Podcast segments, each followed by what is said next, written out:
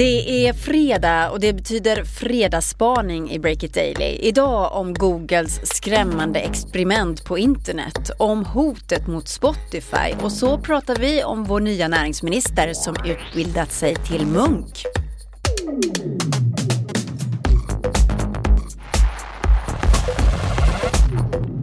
Det är fredagen den 25 januari. Katarina Andersson heter jag och säger välkommen till fredagsspanare Erik Wisterberg, reporter på Breakit. Tack så mycket, kul att vara här och eh, härligt att det är löningsfredag. Kan man gå och käka en riktigt god middag? Det är det ja. Tänkte jag.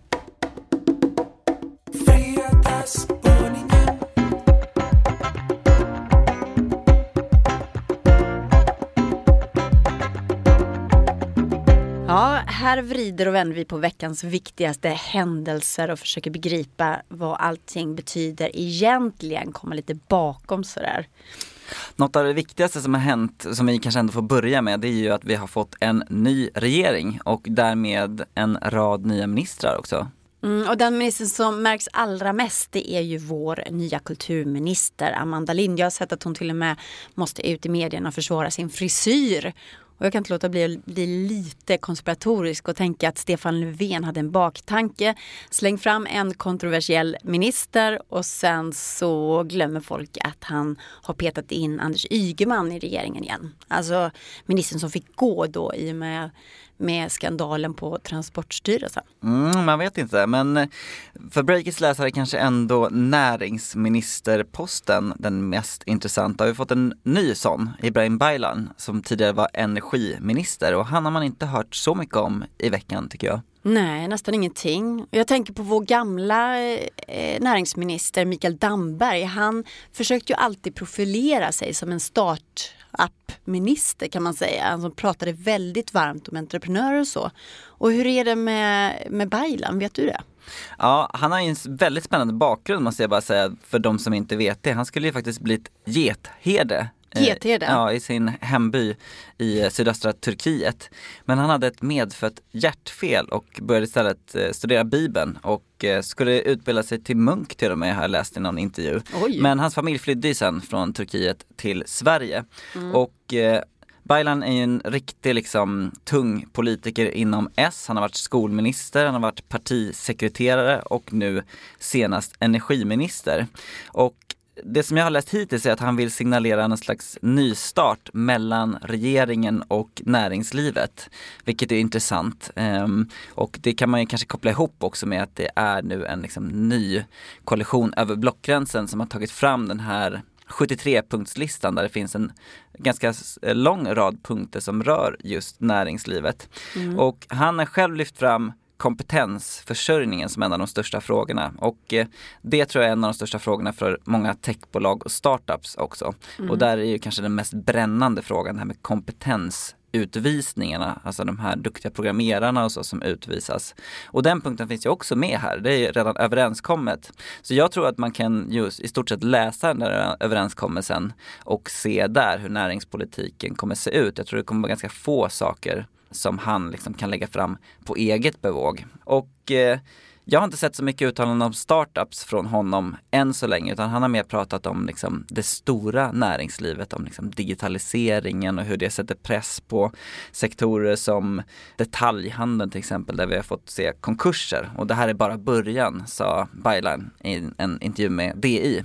Så att ja, min tolkning hittills är väl att eh, startup-flörten får vänta i alla fall. Mm -hmm. Jag har pratat med hans pressis i alla fall och Breakit kommer få en egen intervju med näringsministern texten. Mm, kommer få ja, men eh, det kan man ju också tolka in lite sådär, äh, läsa i kaffesumpen att det var inte det första han gjorde i alla fall att prata med startup-världen via Breakit utan det var med det gamla näringslivet i dagens industri.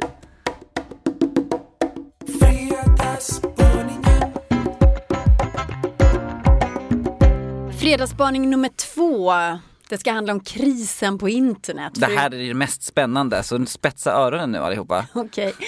för i veckan så har ju vi fått en försmak av eh, hur internet kan komma att se ut om den omdebatterade artikel 11 i en ny upphovsrättslag klubbas i EU. Den här artikeln har ju fått internetälskarna att rasa och det var du Erik som visade mig ett prov på hur framtidens internet kan komma att se ut. Men först då, vad är artikel 11 som vi lägger grunden? Ja, det här är ju en lång härva, men helt kort då. EU har ju klubbat igenom ett stort upphovsrättsdirektiv som är en jättegrej som ska skydda rättighetsinnehavare även i en digital värld. Och artikel 11, det handlar om att EU-länderna ska ge publicister, alltså pressen, till mm. exempel Breakit eller Dagens Industri eller vem som helst, ett stärkt upphovsrättsskydd så att de kan få en, nu citerar jag här, en rättvis och proportionerlig ersättning för digitalt användande av deras material på digitala plattformar. Och det här är det som felaktigt skulle jag säga har kallats för en länkskatt. Mm. För att det handlar inte om vanliga textlänkar. Utan det, här som, det som det handlar om det är att om du är en nätplattform och plockar liksom bild, rubrik och ingress och publicerar ut den, som till exempel Google gör i sina sökresultat och nyhetsboxar, så faller det in under en upphovsrättsskyddslag ska man väl säga. Och Google skulle inte få göra det då? Alltså? Nej, man vet ju inte exakt hur det här kommer landa för det är inte helt klart än. Så mm, man vet inte precis hur det kommer slå. Men nu har du sett en bild då från hur det skulle kunna komma att se ut? Ja, i veckan fick jag en skärmdump skickad till mig eh, från en tipsare. Och eh, den var väldigt spännande. Det var en eh, skärmdump av en människa som hade sökt på Google på sin telefon. Mm. Till exempel då på den nya kulturministern. Och då ser man i vanliga fall massa resultat med liksom rubriker i blått och så kommer det en liten eh, grön länk och sen så kommer ett litet utdrag ur texten. Alltså så som man är van ja. att en Google-sökning ser ut. Men på, på, den här skärmdumpen, då var just mediernas länkar, då var allt det där borta. Så det var bara liksom en URL, alltså själva webbadressen. Den som Men är, gud vad svårt att söka då. Ja, så man fattade ju ingenting av vad sökresultaten från medierna var och man skulle ju aldrig klicka på dem heller. Nej, men varför eh, gör Google det här? För jag antar att det är ett experiment då? Det var ja, det men ni kom fram i dessa till. tider av fake news så var jag tvungen att kolla det här väldigt ordentligt. Och jag har fått bekräftat då från Google i Sverige att man kör ett experiment i form av olika söksnippets, alltså det som de kallar de här eh, utdragen för, i väntan på de olika resultat som kan komma av förslaget kring upphovsrättsdirektivet. Och syftet enligt Google ska vara, eh, jag kommer ett citat här, och det är att förstå effekten av det föreslagna upphovsrättsdirektivet i EU, vad det skulle kunna bli för våra användare och publicistpartners. Så De vill skrämma riktigt, upp oss. Ja, precis. Men man kan ju se det här som opinionsbildning. Eh, för att Google lobbar på alla nivåer emot den här delen av förslaget och andra delar. Eh, man har drösvis med lobbyister inom EU. Man har liksom försökt mobilisera alla Youtubers till att liksom skydda internet. Och man har snackat om att man ska ta bort sin nyhetsaggregator, alltså det som kallas Google News i EU. Och den här skärmdumpen, mm. vad det, det experimentet visar, det är ju ett konkret sätt för Google att visa ett liksom värsta tänkbara scenario där ingen kommer klicka på nyhetsmediers material. Vi skulle inte fatta någonting. Vi skulle inte känna igen oss. Det skulle ju vara som att åka omkring i en öken. Ja men precis. Och man vill nog skrämma medierna lite tror jag. Ge dem en hint om liksom, hur en framtid utan Google-trafik, som ju nu efter Facebooks förändringar är så viktig, kan se ut. Så att eh, ett litet skrämskott i den digitala världen skulle jag tolka det här som. Mm, men kommer det här någonsin bli verklighet? Jag har ju väldigt svårt att tro det i och med att det skulle ju göra Googles söktjänst, alltså det som drar in alla pengar till Google i stort sett fortfarande, ganska värdelös. För det som folk letar efter när man söker på personer till exempel är ju ofta en liksom bra eh, källa Mm. Och eh, medierna är ju ändå ganska bra på det om man jämför med allt annat eh, skräp som finns på internet. Så jag tror att om man skulle göra det här då skulle man göra tjänsten så otroligt mycket sämre. Så att eh, man kanske till och med för första gången skulle öppna för att en konkurrent skulle kunna liksom, ha en mycket bättre sökmotor. Mm. Vi får skrämma Google tillbaka med det.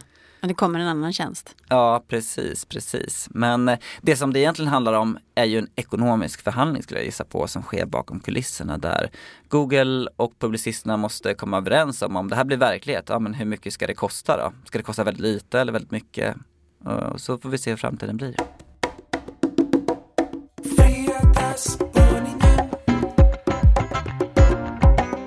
I veckan så har du Erik kommit på att det finns ett allvarligt hot mot Spotify. Det här låter ju också väldigt spännande.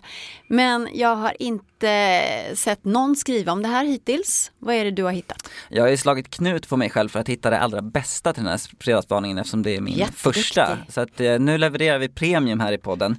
Men eh, häng med nu då. Verizon, känner du till dem? Ja. Det är ju typ som Telia i eh, USA. Det är alltså den största telekomoperatören med allra flest eh, kunder helt enkelt. AT&T är Telia, Verizon är mycket tuffare. Okej, okay, du, du ska mm. säga att de är Tele2 då, fast större. Ja. För de har över 150 miljoner kunder. Och Verizon har haft ett samarbete med Apple Music, du vet Spotifys stora konkurrent i USA. Mm. Kunderna har tidigare fått sex månader gratis när man signar upp sig på ett mobilabonnemang till exempel. Men nu då ska Verizon ge permanent gratis tillgång till Apple Music när man tecknar deras liksom, bästa mobilabonnemang. Mm, vad betyder det då? Ja, vad betyder det egentligen? Ja. Spotify har ju liksom eh, varit en pionjär som har vant folk att betala för en musiktjänst. Och det här är ett litet hot mot det beteendet. För att om man vänjer kunderna att, att musiktjänster istället någonting så här, en liten godispåse som man får med när man köper någonting annat då är det ju ett skott mot Spotifys liksom grundläggande affärsmodell. Och Amazon ger ju redan en bantad musiktjänst till sina Prime-medlemmar. Mm. Så att om det här skulle bli en stor grej, att musiktjänster är bara något som hänger med på köpet, då innebär det att det blir svårare för aktörer som Spotify att sälja sina abonnemang helt enkelt, som jag tolkar det. Mm. Vad säger Spotify själva om det här då? Ja, jag har förhört mig lite, inte faktiskt med Spotify själva, för de brukar inte vara jätteartikulerade kring liksom, den här typen av konkurrensfrågor. Men eh, en Spotify-investerare som jag pratade med tonade ner det här hotet och menar att den här typen av samarbeten har funnits i olika former länge. Spotify hade ju ett sånt med Telia i Sverige till exempel som var ganska viktigt tror jag under lanseringen. Men det nya med det här Verizon-samarbetet är ju just att det inte handlar om en liksom, kampanjperiod utan Nej. man säger att eh, man ska få permanent access till Apple Music tillsammans med de här abonnemangen. Så att, eh, mm. Ett skifte tycker jag. Eh, så får man se om det här är liksom ett test eller en one shot eller om det här blir någonting som kommer bli brett. Okej, okay, spännande. Är det något annat som har hänt i veckan som är värt att lyfta tycker du? Ja, för min del så har ju eh, den senaste veckan varit en jakt på en kaninman. Kaninman? Ja, alltså kommer du ihåg att vi pratade om Storytel och sådär i podden för ett tag sedan? Just det, mannen med kaninsagan, kaninen som inte ville sova. Ja, som så gärna ville somna. Och då pratade vi lite om att det här var en sån ultimat liksom bokstreamingssaga. För mm. den ska ju då lära barn att somna, så man ska spela den om och om igen på kvällen. Väldigt behaglig.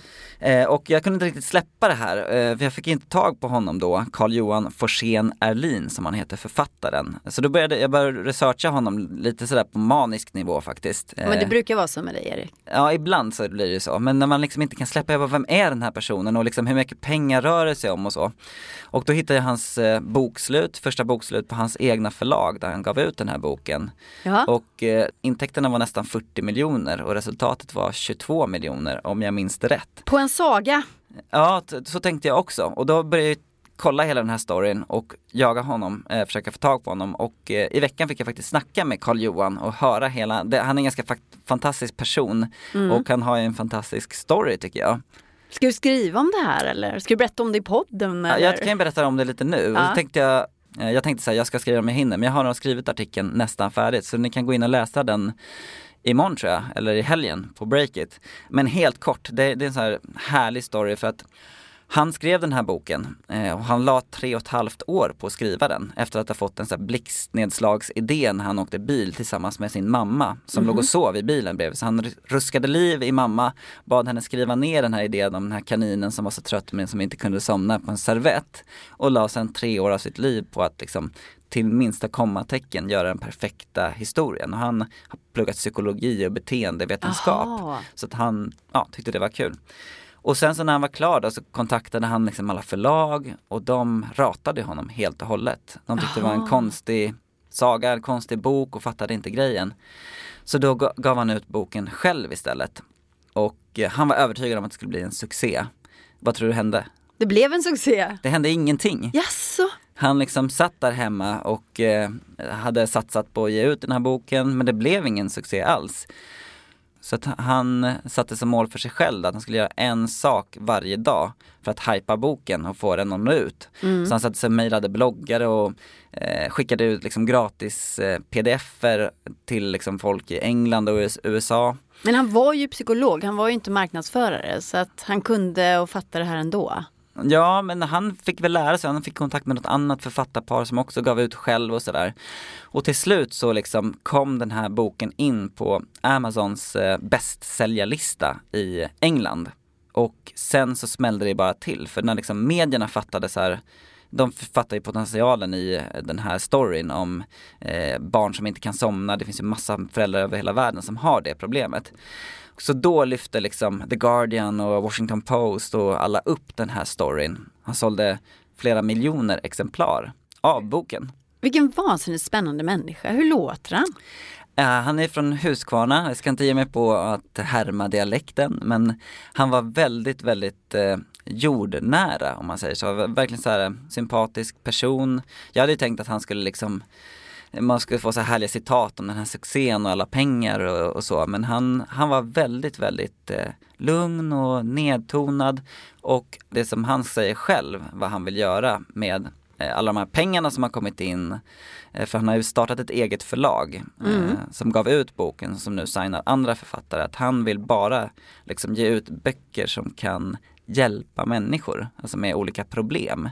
Det, men, de har gett ut, fint. Ja men det är jättefint. De har gett ut någon bok som handlar om hur man som kvinna i klimakteriet kan må bättre. De har gjort böcker som liksom kan hjälpa barn med rutiner, få på sig kläder och allt sånt där. Liksom. Så att, eh, ja, han bygger någon slags, jag vet inte, lifehack do good förlag nere i um, Huskvarna eller Jönköping. Superbra sätt att avsluta den här fredagsspaningen Erik, på en sån good note kan man säga. Ja men precis, man bara så här, glöm inte att du ska aldrig ge upp din dröm. En dag så bara händer det, om du verkligen, verkligen jobbar. Och han sa ju själv, det här låter lite klyschigt när jag säger det, men när han sa det så lät det eh, okej. Okay. Han sa ju bara så här, ja jag tror att om man gör bra saker för mänskligheten så kommer det tillbaka. Nu så tar Breakit Daily helg. Om du saknar oss så kan du ta igen alla missade avsnitt under lördag, söndag och måndag. Fyra avsnitt i veckan producerar vi. Tack så väldigt mycket för att du lyssnar. Ansvarig utgivare är Olle Aronsson. Erik Wisterberg var fredagsspanare och själv så heter jag Katarina Andersson.